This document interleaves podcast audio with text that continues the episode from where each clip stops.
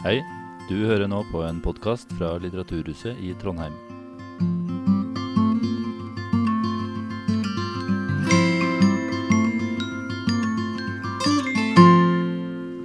Ja, hallo. Der er vi. I Bibelen står det eh, Ole Jakob er veldig god på bibelsitat, og jeg kom til å tenke på at det er jo noe færre her enn det det kunne ha vært. Eh, Så derfor så sier vi det som i Bibelen, der hvor én eller to er samlet i ditt navn, er, eller i hans navn, er Herren midt iblant dere. Ja, så, så, så, sånn er det. Vi skal ikke bekymre oss over, over eh, antallet. Nei, men de er Hjertelig velkommen. Og det her er da andre forestilling om kveldens tema, da, som er også første innslag i den nye serien her på huset som, heter, som har tittelen 'Grenser'. Når jeg leste opp det her første forestilling, så var det veldig svulstig. og Best nettopp jeg tør- ikke tør å lese denne lille konseptbeskrivelsen. Men eh, den er omtrent sånn. Mange trekk ved vår tid peker i retning av at vi må slå inn på en annen kurs. Klimaendringer og naturødeleggelse truer hele vår framtid, og den økonomiske veksten ser ut til å være drivkraften bak endringene. Men kravene til produksjon, ytelse og prestasjon øker også trykket på oss mennesker og endrer våre liv, både kulturelt og samfunnsmessig, men ikke minst eksistensielt. Hvordan er det mulig å finne mening i en truet verden? Hvordan kan vi forsone oss med naturen? Hvordan kan vi forsone oss med oss selv? Det er veldig svulstig. Men uh, likevel det er et forsøk på en slags refleksjon over en slags tidssituasjon der vi kanskje må begynne å tenke oss om på en del ting. Og derfor begrepet grenser. Det finnes noen grenser i verden. Um, I kveld er det altså Ole Jakob Madsen og Marit Uthaug. Livsmestring, sten til byrden. Allerede neste uke, neste mandag, altså om ei uke, Linn Stalsberg. Samfunnet krever, individet betaler? Spørsmålstegn. 11. desember, Arne Johan Vettelsen, professor i filosofi. Mer enn menneske. Det er da denne utstrakte armen mot resten av liv og livet her i verden. Naturen. Gaute Brochmann over jul. De digitale prøvekaninene. Marie Storli, nyvalgt ansatt leder av Rethinking Economics, økonomiens grenser. Åse Dokka, teolog. Troens grenser. Hans Petter Graver, professor i juss. Demokratiets grenser. Ingrid Storholmen. Det går an å leve i hverdagen også. Forfatter Ingrid Storholmen. Og eh, uten at det er eh, bestemt dato, Marianne Meløy. Det får da være grenser. Og eh, Sverre Loddgaard om Forsvarets grenser. Eller eventuelt mangel på grenseoverskridende innsats. Også. Så, det er grenser, grenser, grenser. Så det er det vi som Jeg håper å se dere her igjen da, på, på de kveldene her. Dermed er det sagt om den serien, og dermed så er vi over på kvelden.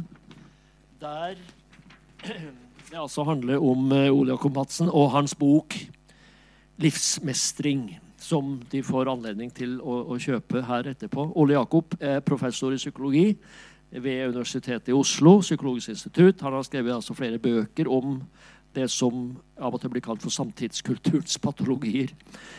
Den terapeutiske kultur. Det er innover vi må gå om mindfulness og generasjon prestasjon for et par år siden, og altså nå da i år livsmestring på timeplanen. Og han er veldig sentral i hele den debatten da, altså om en del slike samtidsfenomen som er nå beskrevet. Marit Uthus er førsteamanuensis ved Institutt for lærerutdanning på NTNU. Og har arbeidet særlig på sine fagområder pedagogisk psykologi og spesialpedagogikk. Og hun skal da utfordre Ole Jakob på det området her. Utfordre og utfordre. Dem er vel eh, i stor grad enig, men også noen, noen punkt å, å, å snakke om. Sånn at de får gjøre det omtrent som sist, at Ole Jakob også får en slags anledning innledningsvis til å snakke litt sånn åpent om det, og så vil du, Marit, eh, komme inn etter hvert. Vær så god. Tusen takk. Um, jeg må jo få si det, Ole Jakob Madsen, at du ser ut som en snill og fredelig mann. Og du virker som en trivelig fyr, rett og slett. Og likevel så fant du det på sin plass å lage bråk når livsbestring ble satt på timeplan i skolen. For det er vel knapt noe tema som Per Bjørn sier, som har vakt så stor debatt eh, i norsk skole det siste året. Eh, og altså med din, deg da, og din stemme i sentrum. Eh, så vi gleder oss til å høre på det her i kveld. Eh, hjertelig velkommen skal du være. Jeg har lest boka di. Eh, jeg må si at det er særdeles interessant lesning, men òg fornøyelig lesning. Um, og jeg har lyst til å bare sitere det på innledninga. Livsmestring. Smak på ordet. Hvem vil ikke mestre livet? Og hvem vil være uenig i at spesielt unge i dag, med, som opplever så mye stress og press, kan ha godt av å lære seg å mestre livet? Og hvilken arena er bedre å gjøre det på enn nettopp i grunnskolen, der 99,88% av alle norske barn taktfast går? Å skulle problematisere psykisk helse og livsmestring, som nå skal inn i den norske skolen, kan virke lite tilforlatelig. Ja, logisk. Det, bred, det var jo i hvert fall bred enighet om det her, eh, Ole Jakob. Samtlige politiske parti. Eh, Norsk psykologforening, Foreningen for mental helse og Elevorganisasjonen til og med har støtta opp om det her. Men likevel så er du bekymra. Eh, fortell oss mer om det. Hvorfor er du så bekymra for at livsmestring blir satt på timeplanen? Um, ja, jeg skal gjøre et, uh, gjøre et forsøk. Um, som du så fint siterte meg. Uh, det var veldig, veldig, godt skrevet. Det som, ja, det var det. så legger jeg vel opp til at jeg tenker at livsmestring da, er et veldig sånn, forførisk begrep som jeg kan skjønne at mange lar seg forføre av. Og jeg har sikkert også selv blitt, eh, blitt det tidvis, og kanskje ble jeg det her også. Men eh, det jeg forsøker å vise, da, er vel at, eller hovedbekymringen min for å bare liksom foregripe konklusjonen, er vel at dette måte, legger opp til individuelle psykologiske løsninger på sammensatte samfunnsproblemer, og at det blir liksom sånne enkle livsmestringssvar på hvorfor noen lykkes godt her i livet, og hvorfor noen ikke lykkes så godt. da. Mm. At, kan, kan, du bare ja. eksemplifisere hvordan det her har tatt form da, i skolen, sånn at um, alle på en måte forstår hva ja, du snakker om? Eh, i, altså eh, Ja, det, det, det, kan være ganske mye forskjellig eh, livsmestring. Altså, hvis jeg skal bare prøve å nøste litt i begrepet, da, så får du korrigere mm. meg. så Eh, er, i hvert fall I sånn psykologiske fagtradisjoner så er ikke livsmestring så veldig eh, innarbeida. Mistanken min er at en eller annen smarting har på en måte konstruert et litt ord som en slags sånn universalferdighet eller paraplybegrep for veldig mange små ting. Men mestring er ganske innarbeida, og det kalles på engelsk 'coping'. Og Det finnes i hvert fall i den engelske dagligtalen også. at hvis hvis du får det spørsmålet av en uh, amerikaner sånn, 'How are you doing?', så uh, er det jo bare en sånn tom høflighetsfrase som du egentlig ikke skal svare uh, utbroderende på. Da gjør du i hvert fall en sånn 'Jeg har gjort en feil noen ganger', da. Men hvis noen sier sånn 'How are you coping?', så sier man vel gjerne i situasjoner hvor kanskje vedkommende har gjennomgått noe vanskelig, kanskje opplevd dødsfall i familien eller en eller annen sykdom. eller noe sånt. Så det er vel en sånn idé om at det har vært noe tungt på en måte, eller noe belastende som man kan eh, møte på en mer eller mindre god, god måte. Da. Og det er sånn ofte det brukes også innenfor helse, helsepsykologien, at det sier noe om individets evner og muligheter til å håndtere livets oppturer og nedturer. Mm. Og, uh, og, så finnes det da en rekke ulike si, forskjellige psykologiske måter da, å forsøke å gi dette mening på, eller, eller på en måte eh, trene på det på. da, eh, Forskjellige typer psykologiske programmer. Altså, jeg gir da eksempler på alt fra en sånn type eh, kognitiv eh, eh inspirert eh, selvhjelpsterapi som gjør at man skal bli mer for bevisst på eh, hvordan man kan tenke mer positive tanker, f.eks. Eh, det kan være Eh, forskjellige pusteøvelser forbundet med meditasjon eller mindfulness, f.eks. um, kan være, være, et eksempel. Men det kan også være det man kaller for mer sånn psykoedukativ tenkning. altså liksom sånn hva, Hvordan føles det ut å ha panikkangst, f.eks.? Altså, hva, hva er det for noe? og hva er normalt, og når bør du kanskje snakke en voksen om det, og når må man kanskje søke om hjelp om det. Så det kan også være på en måte, mer for, for si, opplysningsarbeid da, for den psykiske helsen, helsens del. Men dette er en veldig sånn psykologisk tilnærming til det. Jeg er psykolog selv. I det som står fra offisielt hold fra Utdanningsforbundet, er jo at de ramser opp at livsmestring kan være alt fra å lære seg personlig økonomi, så man kan betale regningene sine, ikke havne på luksusfellen på TV, Eh, til å sette grenser for seg selv, til hvordan forholde seg til eh, andre mennesker og nære relasjoner, til hva er meningen med livet. eller meningen i livet. Så det er måte et vidt spekter her, da, fra privatøkonomi til eh, eksistensielle spørsmål. Mm.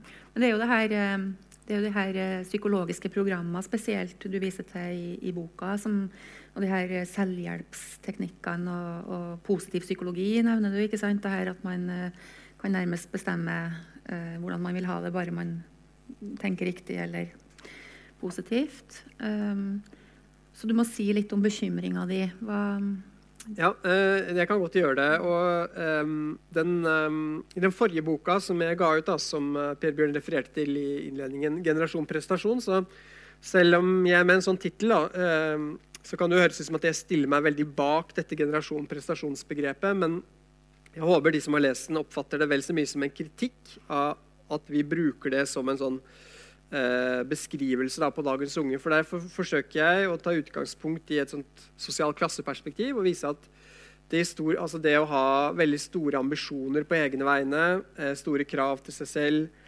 eh, så store kanskje krav til perfeksjon at man blir stressa og kanskje psykisk syk av det, at det i stor grad er barna til den øvre middelklassen sine problemer. At de i utgangspunktet må være ganske ressurssterke og skoleflinke. Da. Mens hvis man ser på det, så er det altså den store gruppen barn og unge som sliter i Norge i dag, er mer det tradisjonelle bildet man kanskje forbinder med, med psykisk sykdom, hvor det er utenforskap, vanskelige familieforhold, lav sosioøkonomisk status, eh, rus, eh, misbruk, mobbing, skolevegring osv. Mm. Eh, barn og unge som kanskje ikke er spesielt skoleflinke eller har så store ambisjoner på egne vegne. Kanskje burde vi måtte, eh, hjelpe de å få si, høyere ambisjoner. Så det er på en måte en helt annen gruppe. Eh, så jeg problematiserte denne boken, og det jeg gjør i denne boken, da, som kanskje kan tenkes på som en liten oppfølger, er å spørre da om hvis da livsmestring er utforma på en sånn bakgrunn av en sånn generasjon prestasjon-idé, og at det er stress og press som er hovedutfordringen for unge i dag, hvordan vil den treffe den ikke så ressurssterke ungdommen da, vil egentlig være til hjelp for de som trenger det aller mest i skolen i dag. Og mm. svaret mitt er vel nei, eh, nei på det. da. Mm. Og I tillegg så stiller jeg også spørsmål ved, altså for de ressurssterke, da, eh, som er generasjon prestasjon, som sliter med stress og press i skolen, og som bekymrer seg for, seg for at ikke de skal få sex på prøven, så de kommer inn på den rette utdannelsen osv. Um, så syns jeg det er noe sånn paradoksalt da, ved at vi har skapt et system som ser til å skape mye stress og press for dem, hvor de bekymrer seg for fremtiden sin. og Istedenfor å gjøre noen systemendringer som man tenker er årsaker til noe av stresset, så måtte anvide om å bli flinkere til å mestre det. bare. Mm. Det syns jeg er litt sånn paradoksalt og fortjener liksom noen kritiske anmerkninger og liksom spørsmål om hva vi, hva vi driver med. da. Og en tredje innfallsvinkel for å ta det, så eh, skrider nok måte, min liksom, interesse og bekymring fra der litt fra min egen forskning, da, hvor jeg har forska på det som man kaller for psykologisering, psykologiseringen av samfunnet noen ganger. At psykologi blir noe mer enn bare en form for vitenskap eller hjelpeprofesjon, men også en måte å tenke om, uh, om mennesket på, omverdenen på, i psykologiske, terapeutiske begreper, nesten som kristendommen. altså som kristendomserstatning, mener faktisk noen. Mm. Uh, og at dette da blir et eksempel på det man kanskje kunne kalle for den terapeutiske skolen, da, hvor psykologi, en psykologisk forståelse av eleven, av um, hva, hva, læring er, hva målet med skolen er osv., blir veldig sånn gjennomsyrende. Da. Så man har sett en del tendenser til i kanskje særlig land som USA, England og Canada, kalles for therapeutic education. Um, som vi nå ser i, i hvert fall deler av i den norske, norske skolen. Hvor det er kanskje noen sånne fallgruver. Uh, som jeg sa, at, at, man på en måte gir psykologiske individuelle oppskrifter da, på, på, det som er ganske sammensatte samfunnsproblem, som har med økonomi, politikk og sosiale forskjeller å gjøre. Mm. Som jeg syns fortjener et kritisk fokus. Ja, Eh, absolutt. Og um, jeg må jo si selv som pedagog i, i lærerutdanninga, da, så må jeg si at det her er, eh, Når jeg leste boka di, så tenkte jeg jøss, eh, hvor kom det her fra? Altså det, det, det, er veldig fremmed uh, for meg som pedagog og tidligere lærer i norsk skole. Og, og, jeg tenkte at du kom inn på riktig tidspunkt og si noe om at uh, pedagogikken møtte psykologien. altså at Det er noe som har kommet inn her som, som jeg ikke kjenner meg igjen i. da og som jeg ser etter å ha lest boka di opplagt er ikke nødvendigvis til det bedre for barn og unge i norsk skole. Um, og Det er òg litt overraskende for meg det her med, med sånne program. Da. Du har jo skrevet et, bok, en, et kapittel i en bok som heter 'Problembarna'. Jeg Der du òg beskriver et sånt program som um, jeg, jeg kjøpes inn rett og slett da, i, i skolen, eller også i barnehage, eller til og med i familier. Ja. Mm. Det, er det mer vanlig enn eh, folk flest er klar over, tror du?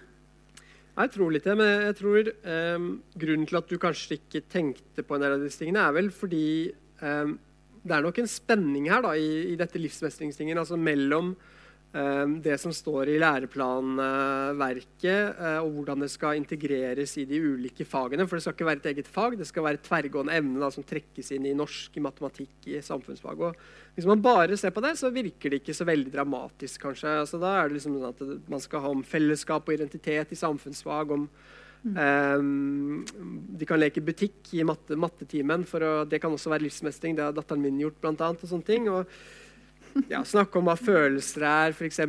i gymtimen. Akkurat som man snakker om uh, ja, hva slags mat som gir energi og ikke energi. Så, samtidig så er dette med de psykologiske programmene, så tror jeg også at det er litt naivt å tenke at ikke det også åpner seg, og det har allerede oppstått et type marked for mm. si, selvhjelpstjenester, terapeutiske tjenester, som eh, vet å kapitalisere på måte, den bekymringen både blant foreldre, men også i skolen eh, for, blant barn og unge, eh, som gjerne vil selge inn sine tjenester, som ofte kan være psykologiske teknikker som ikke nødvendigvis har så veldig god måte, vitenskapelig støtte. Da. Det mm. holder å måte, ha et sånn skinn av vitenskapelighet. det har allerede vært noen kritiske reportasjer om det, f.eks. om powerposing i gymtimen i Lider skole. som var en sånn, altså Det er en sånn idé da, om at hvis du sitter for sånn her, eller uh, står i veldig sånn selvsikre positurer under et jobbintervju eller et foredrag, så kan du manipulere kroppens hormonnivå,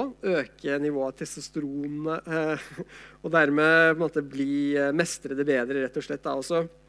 Dette, ble, dette, ble, det skrevet en artikkel om i et kjent, eh, seriøst psykologisk fagtidsskrift for ti år siden. Så, så måte, det sto en vitenskapelig artikkel om det, men senere forsøk da, på å kontrollere for det har ikke vist at ikke det ikke fungerer like godt likevel. Men det finnes en veldig sånn populær TED-talk, som dere kan se. Jeg tror den er verdens nest mest spilte TED-talk. Mm. Om hvordan da eh, powerpose kan forandre livet ditt på to minutter. eller et eller annet sånt. Mm. Så klart at dette er jo veldig attraktivt. Mm. Eh, men jeg tenker det man da forteller barn og unge, er jo på en måte noe av en bløff. da. Eh, ikke sant? Det, er jo ikke, det, det funker jo ikke. Eh, men kan si at ja, hvis de tror på det, er det da så skadelig? Men ja, jeg syns i hvert fall at uh, det fortjener uh, i hvert fall én kritisk bok. Da. Ja, det er jeg helt enig i. Jeg må jo si det at um, det som jeg selv har forska på og sett på, er jo det her med press i skolen. Og det blir jo, det blir jo et gedigent paradoks ikke sant? når du vet hvordan systemet kan påføre barn og unge stress. Da. En, en, og, gi dem powerposing som en, et svar på det hele. Uh, så når de begrepene kom inn uh, i styringsdokument og til slutt i, i læreplanen, så tenkte jeg at det var et, en brekkstang for å rope høyt da, til utdanningspolitiske myndigheter om at uh, i stedet for å hjelpe barn og unge med å håndtere sin egen psykiske uhelse, så må vi gjøre noe med kilden til stress i skolen. Så det er jo litt samme Mm. Det er jo litt samme innfallsvinkel, men at, at det er mer skolen her. da, Og så kommer du med dine perspektiv med psykologien, som jeg syns er utrolig interessant, men også, ja, både overraskende og kanskje skremmende. da. Så du roper jo på en måte varsko her, og så, og så er du kritisk til en ukomplisert fremstilling av det her livsmestringsbegrepet. Sånn som jeg oppfatter det, å påpeke fallgruva. Ja. Uh, og i tide, da. fordi det, du sier jo du, og det er jo, ikke, det er jo ikke innført sånne psykologiske program i, i læreplan. Her er den i bokform. Kunnskapsløftet 2020 kom, ble, skulle implementeres i skolen fra i høst. da. Uh, og jeg må jo si at det er spor av det du sier da her. Klare spor. Uh, formuleringer i retning av at eleven skal lære seg teknikker eller utvikle kompetanse for å ta unna for livsutfordringer. Da, stress.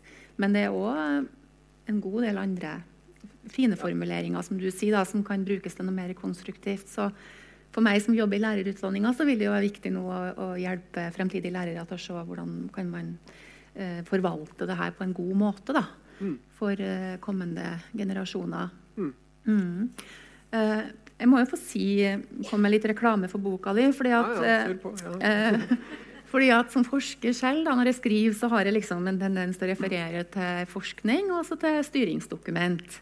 Eh, men når jeg leser her, så er det du viser til medieoppslag, til intervju, du viser til gamle medieoppslag.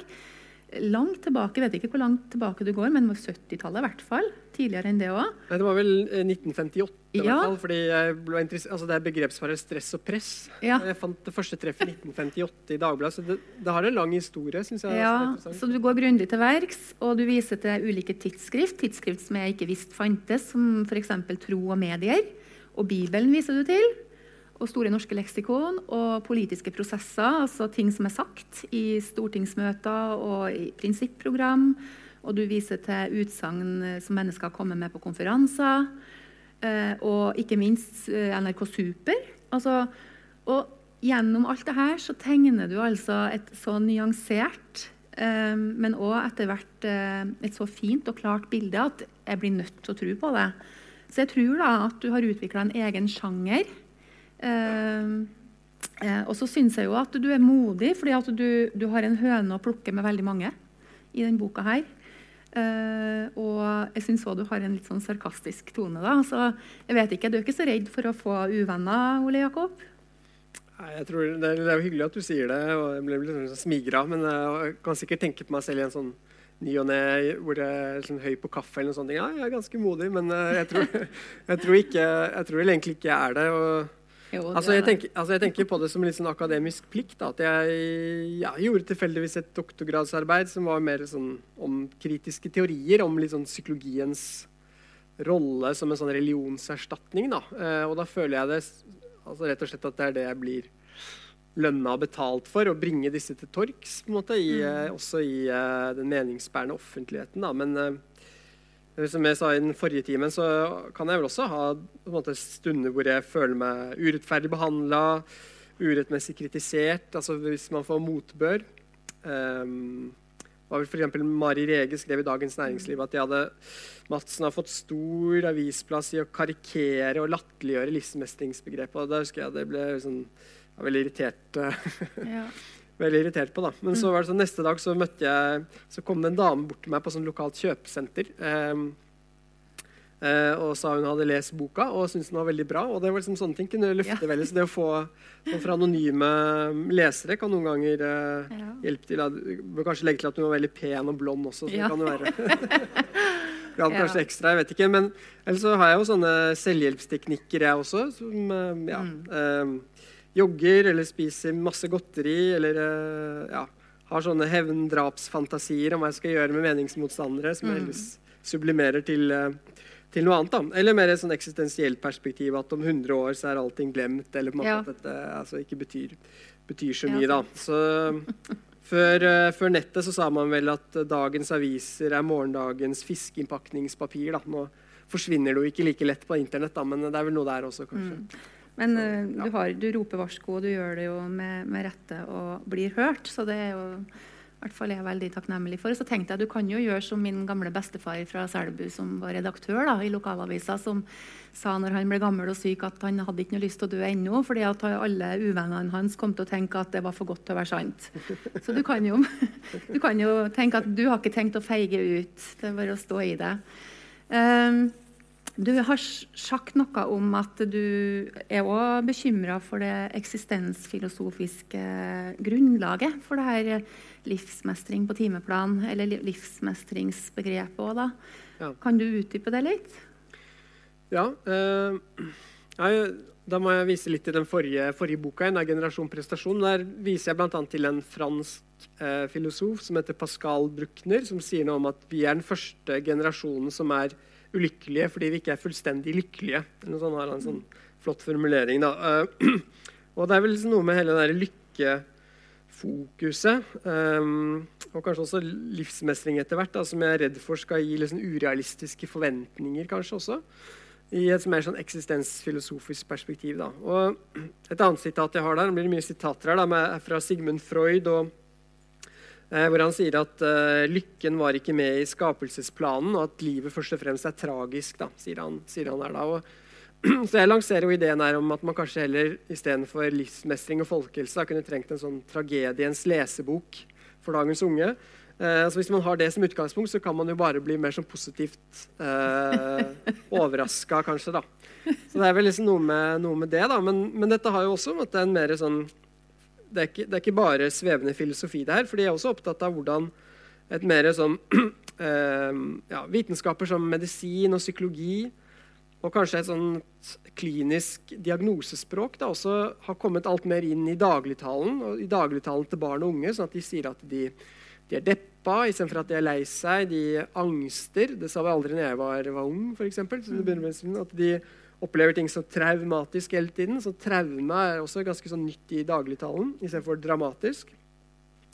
Eh, og at måte, de ordene man bruker, ikke er uskyldige. Da. Sånn at I et mer eksistensielt perspektiv så vil f.eks. angst, eksistensiell angst være liksom noe du skulle ja, en slags ånd som kommer og hjemsøker deg, kunne Kirkegård sagt, som tvinger deg til å tenke over retningen på livet ditt. Og gir også en ubehagelig, så klart, men gir også en mulighet for å gjøre endringer. Eh, mens i dag vil jeg kanskje tenke på det som mer panikkangst, og noe man da går til fastlegen med og får medisiner mot, eller psykologen for. det. Så men samtidig eh, jeg er helt med på at det var nok mye ubehandla angst i tidligere generasjoner også. Så jeg tror det er viktig å ikke liksom romantisere angst for mye heller. Men her er det nok liksom vanskelig mm. Eh, grenseoppgang. Da. Men, men, jeg tenker nok kanskje at noe av det mer eksistensielle livseksistensielle har forsvunnet litt da, fra, fra, samtidskulturen, hvis det går an å si det. Mm. Mm.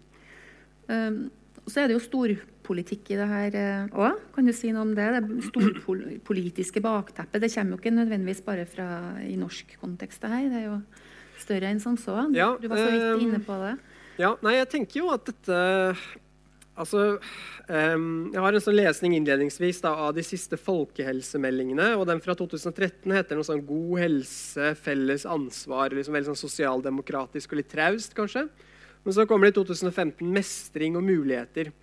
Og dette Mestringsperspektivet da, introduseres i folkehelsetenkningen som en sånn invitasjon til enkeltmennesket å tre ut fra den anonyme massene og ta ansvar for eget liv. Og dette er jo veldig sånn, i tråd med det man kaller for en sånn eh, tanke om at individet selv må ta mer ansvar for seg og sitt liv og er mer ansvarlig. og at Noen har beskrevet det som at eh, den tanken om at ting foregår utenfor vår kontroll, da, mer og mer forvitrer til, for, til, forskjell for hvordan det handler mer om hvordan du mestrer det. Mm. Rett og slett, Det blir redusert til måte, et spørsmål om hvordan du mestrer det. At denne tankegangen også jeg skal ikke si at den er fullstendig på vei inn i skolen, men litt mer på vei inn i skolen med, med, med dette her. da, mm. uh, Med noe av den tenkningen her. Og, men det, men dette er på en måte et veldig sånn sammensatt bilde. for Jeg viser også i boka for eksempel, at det var faktisk Kristelig Folkeparti som var de første som tok initiativ til eh, livsmestring, da, sånn som det ligner på nå. Og, eh, det overraska meg litt, så jeg forsøkte liksom å finne en mulig plausibel grunn. Og en mulig årsak sånn som jeg ser det, kan være at både at man da er altså, man, Det ble jo stifta som en sånn reaksjon på sekulariseringen av, av samfunnet på 30-tallet. Så at man er bekymra for at eh, kanskje særlig unge i dag er litt sånn retningsløse uh, uten skal si, uh, Gud, og at man bruker det her, sånn bibelfortellingen med, med Jesus, det er altså mennesker da, som en sånn saueflokk som ikke har noen, til å gjete seg og lede dem noe sted. Da, at unge er retningsløse fortapt. og at måte med det tapet av den kristne, for, altså den kristne formålsparagrafen og mer på vei ut, så blir livs, livsmestring noe av en sånn sekulær trøst da, for Kristelig Folkeparti. Men um, samtidig så er det vel ikke til å legge skjul på at jeg også leser en del av det her som, også, som en del liksom høyrepolitikk. altså at det er flere som har spurt f.eks. også innenfor psykologfaglige miljøer da, hvorfor har vi en så sterk alliert i Bent Høie og kanskje særlig at Høyre har vært det politiske partiet i Norge da, som har snakka mest om psykisk helse i nyere tid. Det skulle man jo kanskje bare gi de utelukkende honnør for. Eh, men noen har også stilt litt mer sånn mistenkelige spørsmål da, om er det bare på en måte, skal jeg si, god vilje eller gode intensjoner. Det kan også handle om at eh, psykologiske løsninger da, ser ut til å passe som hånd i hanske med høyresidens menneske- og sykdomssyn, hvor det, man kanskje i større grad trekkes mot å fikse individer fremfor å gjøre endringer på mm. sykdomsskapende strukturer. Da. Så mm. Jeg stiller også det spørsmålet, og undrer meg jo at ikke flere på den politiske venstresiden har stilt noen spørsmål ved det her, som Rødt, SV eller Arbeiderpartiet. Da. Jeg opplever på en måte at de også har mm. uh, ja, går god for deg liksom, på en litt sånn sømløs og litt ukritisk måte. Ja. ja. Du, og du viser jo på en, på en god måte i boka hvordan det her Eh, det her har opphav òg fra USA, bl.a. med tanke på at de oppdager plutselig at de holder på å seile akterut da, i økonomisk eh, global konkurranse, og hvordan de skal reorientere utdanningssystemet sitt i USA. Begynne å snakke om det 21. århundrets ferdigheter. Ja. Kan du utdype det òg litt? For det, det er ja. storpolitikk. Det er Ja, det er riktig. Det, er, det er en sånn uh, pedagogisk uh, skal si, eh, vind eller retning som, eh, som oppsto. Både at man var bekymra for at USA tapte i global konkurranse med liksom, på en måte Asia osv. Men også en sånn idé om informasjonstidsalderen. altså at tanken om at okay, nå er jo all mulig informasjon bare noe tastetrykk unna, så vi trenger ikke lenger å ha masse årstall eller ting mm. i hodet. Det som blir viktig å lære, er isteden ferdigheter, og særlig da evnen til å lære seg å lære nye ting. da. Så dette er også en sånn tanke om at, sant, at, verden går stadig raskere. De teknologiske endringene skjer veldig fort. Så fremtidens arbeidstakere må lære, i større grad lære å omstille seg. Og det man lærer på skolen i dag, kan vise seg å være utdatert når de kommer ut i arbeidslivet. Så, mm. så den har jo en del for seg, den tankegangen her. Men jeg opplever nok at uh, særlig det her såkalte Ludvigsen-utvalget, som var et sånn ekspertutvalg som ble bedt om å tenke om fremtidens skole og hvilke Eh, kompetanse man trenger i fremtidens skole, går veldig inn med hud og hår for dette 21. århundres ferdigheter. og snakker da sant, både om dybdelæring og om disse tverrgående evnene. Da, til at elevene må bli flinkere til å lære og lære, og de må bli flinkere til metakognisjon, altså overvåke sine egne læringsprosesser, og bli flinkere til selvregulering. Eh, kontrollere atferden sin ut fra et eller annet høyere mål. Mm.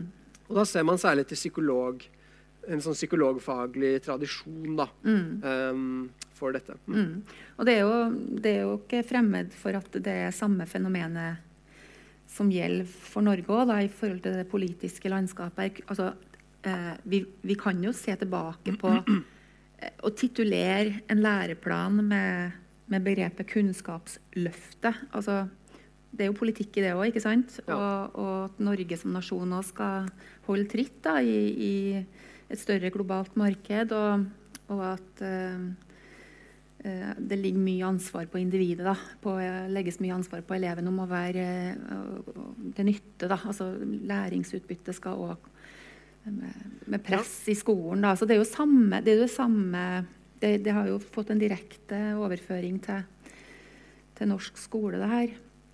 Mm. Mm. Og du er jo opptatt av, av bivirkninger da, eh, og knytta til jeg har lyst til å snakke, eller Hadde du noen kommentar til det her med Nei, Jeg skulle bare skyte mm. inn at det, altså, jeg skriver kanskje ikke så mye om den tradisjonelle pedagogikken, men jeg viser til Alfred Tellaug, som, som skolen som nasjonsbygger. og han jeg får at Han også beskriver liksom noe av forløpet til det. Da, at altså, det er en gradvis vending til en mer sånn elevsentrert pedagogikk i tråd med liksom, individualismens tidsalder. At elevene i større grad må bli oppdratt og utdannet til et sånt valgsamfunn hvor vi hele tiden må velge og i større grad skape oss et mm. liv. Og at det er liksom mer vekk fra en sånn fellesskapstradisjon. Eh, så at dette også er en, eh, er en del, eh, del, av det. Og jeg er jo helt med på at skolen kanskje også må måtte forholde seg til samtiden, og at det må oppleves som relevant for elevene. Men, men samtidig så tenker jeg også at de med det her, da eh, eh, Fremfor kanskje liksom å forsøke å bremse individualiseringen eller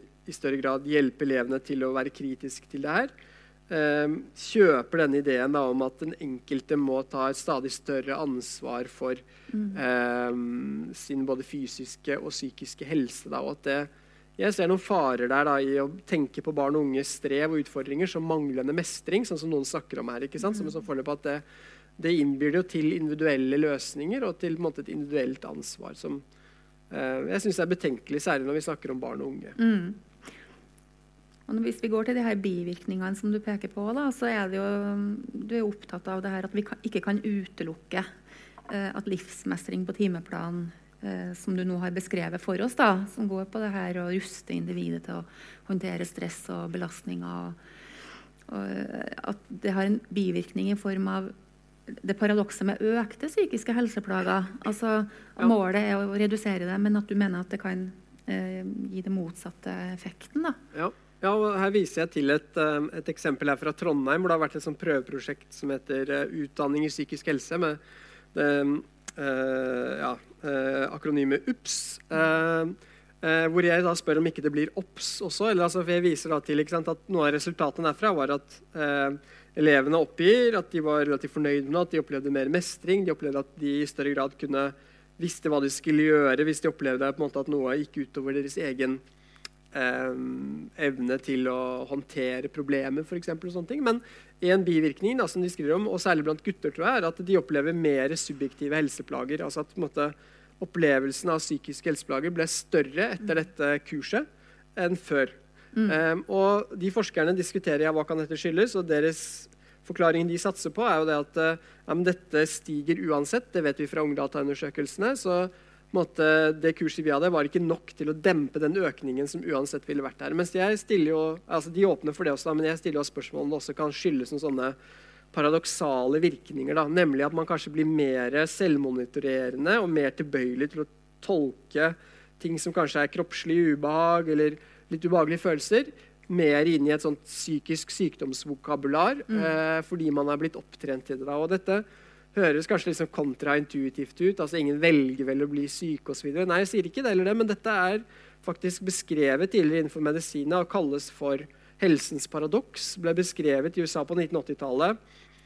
En eh, psykiater som het Anthony Barsky, som ble liksom forbløffet over at til tross for at amerikanerne levde nesten dobbelt så lenge som de gjorde for 100 år siden, altså objektivt sett hadde bedre helse, så oppga, når du spurte de, så oppga stadig flere at de hadde følt seg dårligere. Eh, sykefraværet økte, de var lenger sengeliggende med milde psykiske sykdommer osv. Eh, og han mente at det måtte skyldes også da myndighetenes fokus da på, på fysisk helse og helse. Altså at befolkningen også ble mer selvmonitorerende og mer tilbøyelige til å fortolke det som kanskje var livets oppturer, eller nedturer, eh, kroppens eh, noen ganger uforklarlige, ubehagelige ting, eller sånne ting, inn i et, et mer sånn sykdomsnarrativ. Han mente jo ikke at vi skulle slutte legge ned medisinen, eller, eh, eller sånne ting, men man mente at det var en viktig bivirkning som man måtte ha med seg, og en sånn avveining man måtte gjøre. Og jeg vil vel tenke at vi også har å gjøre med den psykiske helsens paradoks. Mm. At dette helt ikke kan på en måte må være eh, ja.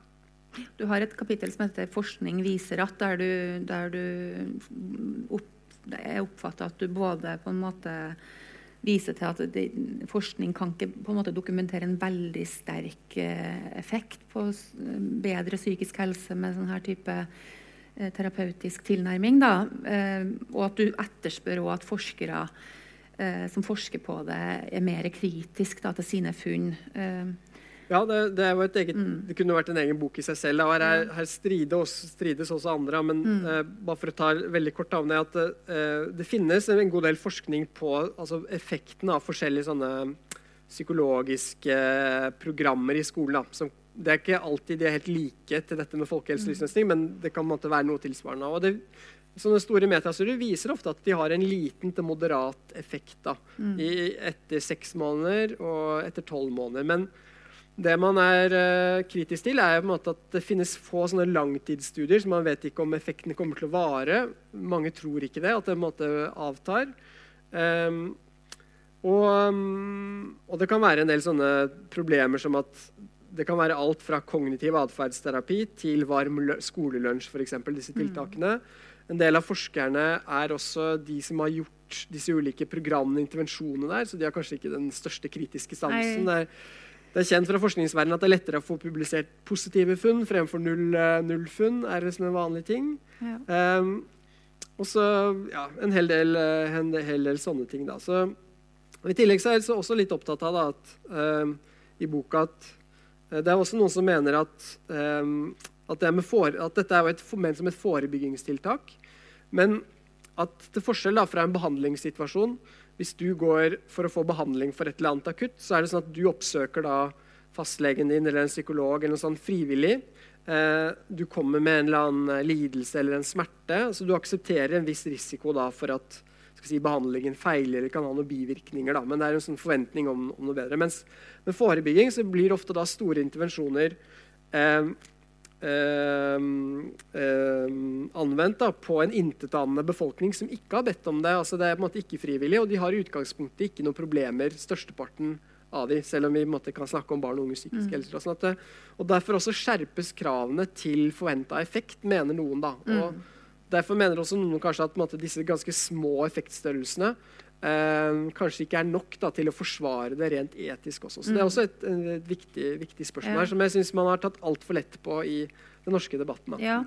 Og, og, stilt opp mot det her at det faktisk skjer da, at eh, skoleeier eller rektorer kjøper inn eller tar inn her, sånne her program. Da, og og de er jo pressa på mye annet i, i, utdanning. ikke sant? Det her med å levere kunnskapsresultat og nasjonale prøver. og eh, At det kan fort bli en sånn check, vi tar det her programmet. Og så helt uten kritisk eh, bevissthet da, på det å utsette mennesker, barn og unge, da, for det her eh, uten at de har tatt stilling til om de ønsker det. da.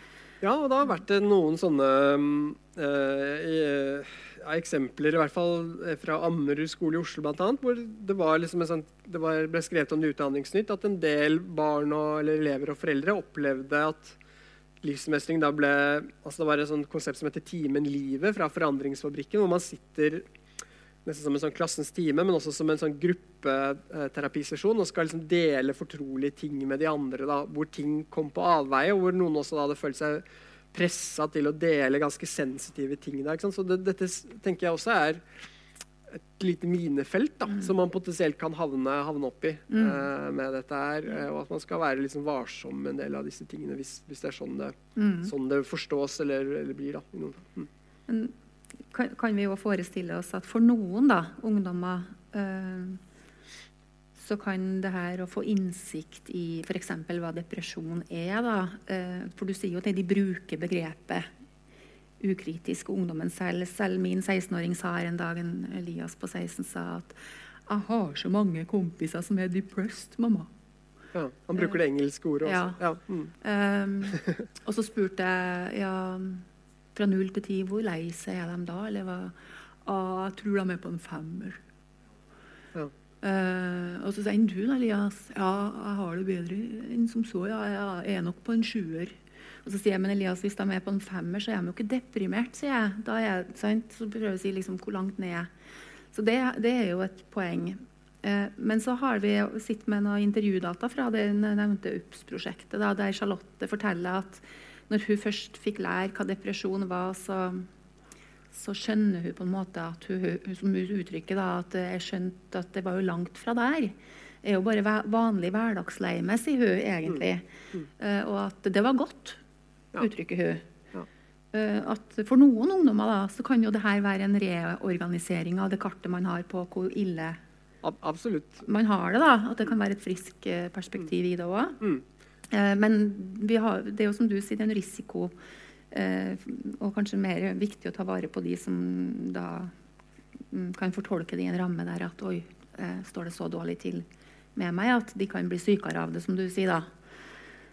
Ja, det er vel i hvert fall det liksom, noen av de kritikerne her mener. Da, ja. Når du liksom eksponerer de for det og spør mm. om liksom, sånn, uh, hvordan har du det egentlig for, altså, så måte er det blir liksom som litt sånn fiskegarn. Man, man, vet ikke helt hva man får når man uh, drar det opp. og på en måte at det, ja, Eh, men, men, men, det er vanskelig, for det er som du sier, altså helst, jeg er helt med på at det kan også, kanskje også ha den derre at liksom sånn, Nei, eh, det var ikke det. Eller altså, at det kan trygge ting. Altså, jeg, jeg, tror det kan virke i alle mulige retninger her. Da. Men mm. eh, siden jeg nå en gang er liksom opptatt av det kritiske eller liksom, måtte, måtte si, skrive fram de mulige bivirkningene eller fallgruvene, så er det kanskje det jeg er opptatt av. For jeg opplever ikke at det snakkes så mye om da, i den litt sånn eh, ja, mer sånn begeistrede ja. eh, mottagelsen av det her. Eller liksom, ja, eller, det har ikke blitt snakka om så mye til nå, syns jeg. da. Nei. Men eh, jeg har, har veldig nysgjerrig på da, og har lyst til å spørre deg, fordi at jeg lurer på om du er, er på en måte årsaken til at Trondheim kommune ville gå ut av Ungdata. da, For de ville heller snakke med ungdom om håp og drømmer. Eh, hva, hva, er dine, Jeg er veldig nysgjerrig da, på hvordan du tenker om det. Fordi Ja. Da er det jo opplagt i denne gata da, at de tenker at nå må vi gi ungdommen et, et annet perspektiv. Og Ja. Nei, jeg må innrømme at eller når jeg hørte det, så tenkte jeg, så fikk jeg også sånn, liksom, tanke, og det var kanskje litt sånn selv, selvopptatt, da, men liksom sånn, shit, kan jeg ha liksom vært med å påvirke der? Fordi i den forrige boka, 'Generasjon prestasjon', så er det noen sånn kritiske deler om Ungdataundersøkelsen, hvor jeg har en sånn resonnement da, jeg, altså, em, ja, jeg sammenligner med, med Haleys komet. Eh, Jeg skal ikke ta hele hvorfor jeg gjør det, da, men, men den er liksom synlig fra jorda hvert 75.-76. år. Da, og så har jeg en sånn sammenligning til Ungdata at kanskje, kanskje Ungdata burde være synlig like sjelden, ikke like fullt like hyppig. Eh, men så legger jeg til de kan fortsatt gjøre sin datainnsamling eh, hvert eneste år. Da, for jeg, fra et forskerperspektiv så er det ønskelig å få ferske data osv. Hvert 76. år blir nok litt sjeldent. da. Eh, men, eh, men jeg fikk jo da spørsmålet fra Klassekampen var det vel da, om jeg støtta det eller ikke. da, Og da svarte jeg vel litt sånn der, eh, diplomatisk at jeg var ikke nødvendigvis noe jeg sånn anbefalte, men, men jeg mente samtidig at det var viktig å være kritisk til det. Og jeg tenker jo også at det er på en måte liksom beundringsverdig av en kommune at den ikke bare er en sånn her, eh, lydig, konform støttespiller da, til sånne store eh, sentralstyrte eh, programmer eller uh, fiskegarnutsettinger, men også på en måte stille spørsmål ved nytteverdien av det osv. Men Mm. uh, ja. ja, det, det er litt, litt der. Så jeg er, litt, jeg er litt som både og til det. Ja. Jeg skrev en kronikk i, i svar på det der eh, valget da, fra Trondheim kommune at jeg, at jeg også er bekymra for at det kan paradoksalt nok da, eh, være en ansvarsfraskrivelse fra kommunens side i forhold til nettopp eh, å se mer eh, kritisk på egen eh, eh, skolevirksomhet. Da. Eh, og, og hvis du skal begynne å snakke med ungdom om håp og drømmer, så tar du fokuset bort fra det presset kanskje de kan oppleve da, i skolen som er usunt. Så ja.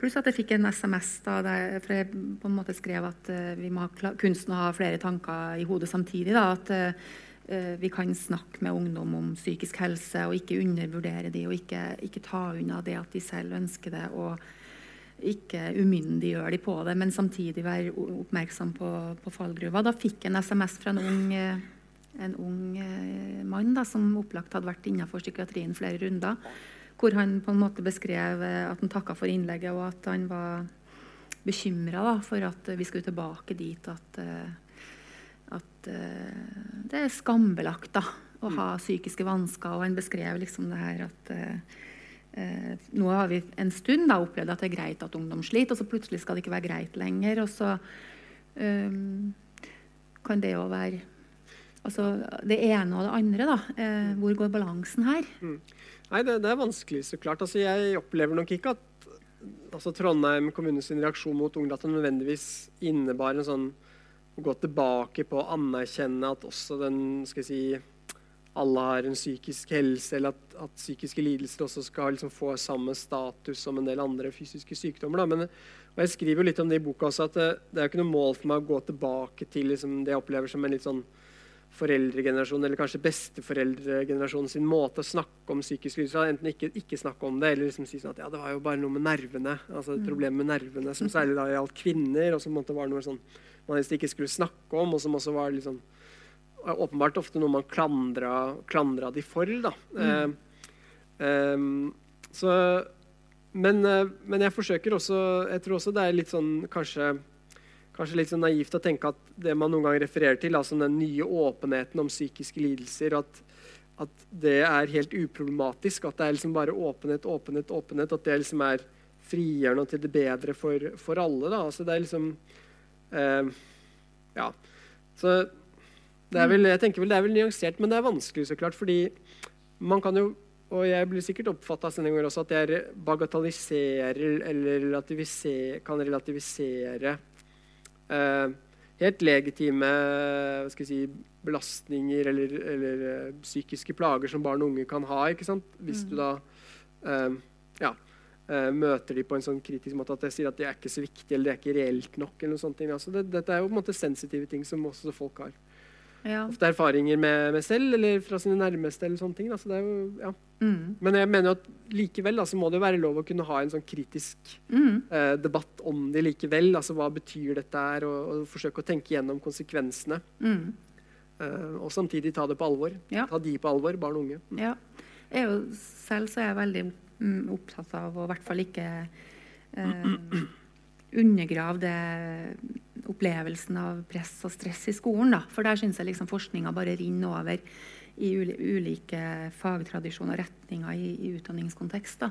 Eh, så, så jeg syns jo på en måte at eh, det der å dempe press i skolen og ta, ta ungdom på alvor i forhold til opplevelse av stress i skolen Vi snakka litt om det her tidligere i kveld, og det her eh, elefanten i rommet. da, At eh, det her barn og unge kan oppleve bekymringer ikke bare her og nå til neste prøve, men, men for, seg, for seg selv da, i et framtidsperspektiv. Så du, du er jo innom det òg. Absolutt. ja, ikke sant? Og, ehm, jeg har også vært med på eller Det var en student jeg hadde en veiledning som også intervjua unge deprimerte i uh, Norge i dag. Altså hvor, uh, hvor også flere av de satte ord på altså, En av de har en sånn formulering som også eh, ble tittelen på artikkelen vår. altså Man blir så redd for å gå glipp av seg selv. mm, Som høres ut som en sånn, jeg, sånn, sånn logisk umulighet. At du kan ikke ikke være deg selv, selv om du kan kanskje kan ha en sånn i virkelighetsfølelse. Men, men det jeg tror hun mente, var at det var akkurat som de årene, da, øh, og særlig da kanskje i, på skolen hvor du fikk karakterer, så var det som et slags mulighetsvindu som da kunne lukke seg, eller som man kunne ødelegge da, hvis ikke man fikk de toppkarakterene som gjorde at du hadde maksimal valgfrihet til å komme inn på de utdanningene du ville. Og dette, dette er jo blitt beskrevet som det skolerte samfunnet. At utdanning blir mer og mer viktig, mens tidligere så var det arbeidslivet. Mens at arbeidslivet kanskje var mer tilgivende da, for ulike mennesketyper. Mennesker som kanskje ikke nødvendigvis hadde så mye formell kompetanse eller var interessert i å gå på skolen like lenge, så fantes det jobber for dem, men de har mer forsvunnet. og mye mer er liksom, Du må ha en utdanning til alt. mm, Så Noen mener at det er en viktig forklaring da, for at vi kanskje har fått en litt sånn konform, eh, engstelig, pliktoppfyllende, kanskje noen ganger litt for pliktoppfyllende deler av ungdomsgenerasjonene. At, at måte, rommene for feilskjær rett og slett er færre. og at at mange unge, og særlig jenter, som, som gjennomgående kanskje er måte, både tidligere voksne og litt mer samvittighetsfulle enn menn, viser noen sånn uh, psykologisk forskning det, at, uh, at de merker dette på kroppen. Da, og, de må drive det man kaller for en sånn framtidsdisiplinering fra, fra måte, tidlig tenårene av. Da, at det, det um, og da syns jeg det er grunn til å spørre måte, hvor måte, humant dette folkehelse og livsmestring er. da? Fordi ut ifra sånn tradisjonell stressforståelse så kan jo du da Stress det er noe som oppstår hvis det er en uoverensstemmelse mellom kravene i en situasjon og et menneskets mulighet for å møte kravene. Og Da kan du enten fire på kravene eller forsøke liksom å utstyre mennesker med bedre ressurser til å mestre kravene. Det er det siste man velger med livsmestring, fremfor å fire på kravene. Så Nåværende regjering for eksempel, har ikke vist seg så interessert i å gjøre noen endringer i kanskje noe av årsakene i skolesystemet, som type altså målinger, prøver. og, og hvis man bryter ned ungdataundersøkelsen, da, særlig det stresset som er, er absolutt høyest i avgangsårene, altså i 10. klasse og i 3. klasse. For, og grunnen tror jeg er at da er karakterene ekstra viktig, eh, for da det, er det direkte avgjørende på om de kommer inn på den videregående skolen de vil, hvis det er fritt skolevalg og høyere utdannelse. Der, regjeringen ønsker jo fritt skolevalg i alle kommuner. Utdanningsforbundet har vært kritisk fordi de mener at det bare er en reell valgfrihet for de aller flinkeste. For eksempel. så dette, dette er jo inne på politikkens område, og det, det mener jeg også livsmestring er. Da, bare at man får kamuflere det kanskje som noe mer sånn mm, velment universalløsning mm. til eh, barn og unges strev. Mm. Jeg vil jo tro at det her eh, er en annerledes og fremmed måte da, å tenke opplæring og, eh, for lærere i norsk skole. Fordi at når du bruker det stressbegrepet òg, så, så er jo lærerens oppgave har jo alltid vært å skulle differensiert opplæringa. Tilpassa opplæring er jo et mantra for norsk skole. Man skal tilrettelegge sånn at man tar høyde for at elever har ulike forutsetninger. da. Eh, og så kommer det her inn som at nå skal vi Ja. rustes til å Ja. Så jeg er jo litt spent på hvordan norsk eh, lærerstand da, tar imot det her, fordi det er fremmed. Men det kan jeg, eh, altså et, Den boka kom ut i um, midten og slutten av august, så jeg har vært i noen sånne diskusjoner, bl.a. i regi av Utdanningsforbundet, da, med, med både lærere og sånn. Og, uh, hvis jeg skal forsøke å være litt sånn optimistisk her, da Det er kanskje ikke så mye det i boka, men, eh, men så, og smiske litt hvis det er noen lærere her, så har jeg på en måte fått liksom øynene opp for at det virker som det er mye kloke folk der ute da, som er på en måte absolutt oppegående til å se fallgruvene og tenke ganske sånn nyansert Ja. om det her. da, og Eh, Men når du snakker om dette med lærerens skal si, mer ansvar for å fasilitere stress i klasserommet, sånn, så er jeg jo opptatt av Og det er kanskje en av de eh, også hovedpunktene at eh, hvorfor, er vi så, hvorfor har vi så stor tiltro til at måte, barn og unge skal bli opplært i psykisk helse og så måte, bruke det på seg selv? Hvorfor bruker man ikke mer av ressursene heller på f.eks. lærers relasjonskompetanse? Da, altså evne til å se og følge opp den enkelte elev. Hvorfor liksom, forlater man den? den tankegangen, som noen mener er på en måte altfor lite systematisk inne både i lærerutdanning og senere oppfølging, selv om du sa vel i første time at det var en del fokus på det. Så, og, men jeg tenker at det ville, del, det ville plassert ansvaret først og fremst på den voksne da, fremfor eleven selv. og at det også er, Man skal ikke kimse av den, den forskjellen der heller. Og at jeg vil liksom protestere litt da, på den der veldig troen på, på å gjøre barn og unge til sånne små mestringsmaskiner som har liksom høy grad av metakognisjon og selvregulering. og på en måte e- Evner som også er ganske vanskelig for voksne å gjøre. Det er på en måte en litt sånn stor fallhøyde der. Da. Og, og grunn til å tro at i så fall er de ressurssterke som vil mestre det, og ikke som kanskje ikke trenger det. Så. Mm. Vi har lærerstudenter her i kveld. da, sant? Dere Ja. lærer mye om relasjoner. Ja. Nå reiser Per. Bjørn seg så Nå må vi Ja. Jeg vil bare avslutte med å fortelle at eh, jeg hadde en masterstudent som intervjua lærere om uh, det her begrepet, da, folkehelse og livsmestring. Og så sa jeg du må stille helt åpne spørsmål i starten. Eh, hva er du opptatt av i jobben din? Hva gjør du? Hva er du opptatt av? Og da er de opptatt av tema som er helsefremmende. Altså De er opptatt av relasjoner, de er opptatt av læringsmiljø, de er opptatt av det å lytte til elever, la, altså høre hør på deres perspektiv. Og så ute i intervjuet så sier hun ja, hva forstår du med de her begrepene folkehelse og livsmestring? Og da blir de helt matt. Jeg syns det er litt tungt å tenke på at eh, det står på papiret at jeg skal jobbe med folkehelse. At det er mitt ansvar. Og så er det livsmestring som sier jeg syns vi må ta det ned til at det handler om å klare hverdagen sin. Altså, så jeg har tro på for det første at lærere har mye kompetanse om hva som bringer helse til elever i norsk skole. Og at de, og at de vil, hvis de får muligheter, eller i hvert fall sånn som vi legger vekt på i utdanninga til oss, på lærerutdanninga her, så er det å omsette her begrepene til noe som eh, kan gi mening da, og være konstruktivt for barn og unge. Så vi må i hvert fall prøve å bremse de her programmene inn i norsk skole. Ja. Og det, Hvis jeg bare kan avslutte med et siste Så er jo også det et poeng for meg i boka. altså Der viser jeg til Jørg Arne Jørgensen, som er lektor i Stavanger-skolen, og som skriver i Stavanger Aftenblad. Jeg synes han også har sagt det fint at Han beskriver det som at sin oppgave er å tenne en gnist i ungdommene og sette de på en måte inn, altså få dem interessert i noe større utover seg selv. Enten det sier han er liksom noe intellektuelt eller kunstnerisk eller håndverksmessig eller relasjonelt eller fysisk. altså Få de vekk litt fra de der grubleriene som kjennetegner alderen, da, mens han bekymrer seg for at dette her gjør det omvendte. At det her måte er mer um, mm. blir mer um, introspektiv uh, innadskuing likevel. Altså, men jeg opplever jo på en måte at det alltid har vært skolens oppgave. sånn som jeg tenker på det, å på en måte hjelpe elevene da, til å liksom, koble seg på noe større enn seg selv, hvor kanskje de har evner og ferdigheter og interesser. Da. Men Ja. gjerne at det kunne vært mer mangfoldig enn det som virker på som en kanskje litt sånn teoritung skole Ja. i, um, i dag. Da. Og at det fortsatt bør være skolens oppgave, uavhengig av måte, hvordan dette folkehelse- og livsmestringstverrgående evne blir. Da. Ja, og så syns jeg at vi kan se på de her begrepene som et utvida mandat. da, Utvida handlingsrom til å vektlegge det som Å Ja. møte eleven som hele mennesker. og, og mm, så fordi at det er jo, En ting er jo at det alltid har vært i skolen, men de siste 20-30 åra har det ikke vært rom for det. Fordi at uh, Kunnskapsløftet må vite. Ja. Det var en vakker avslutning. Jeg hadde nær sagt halleluja.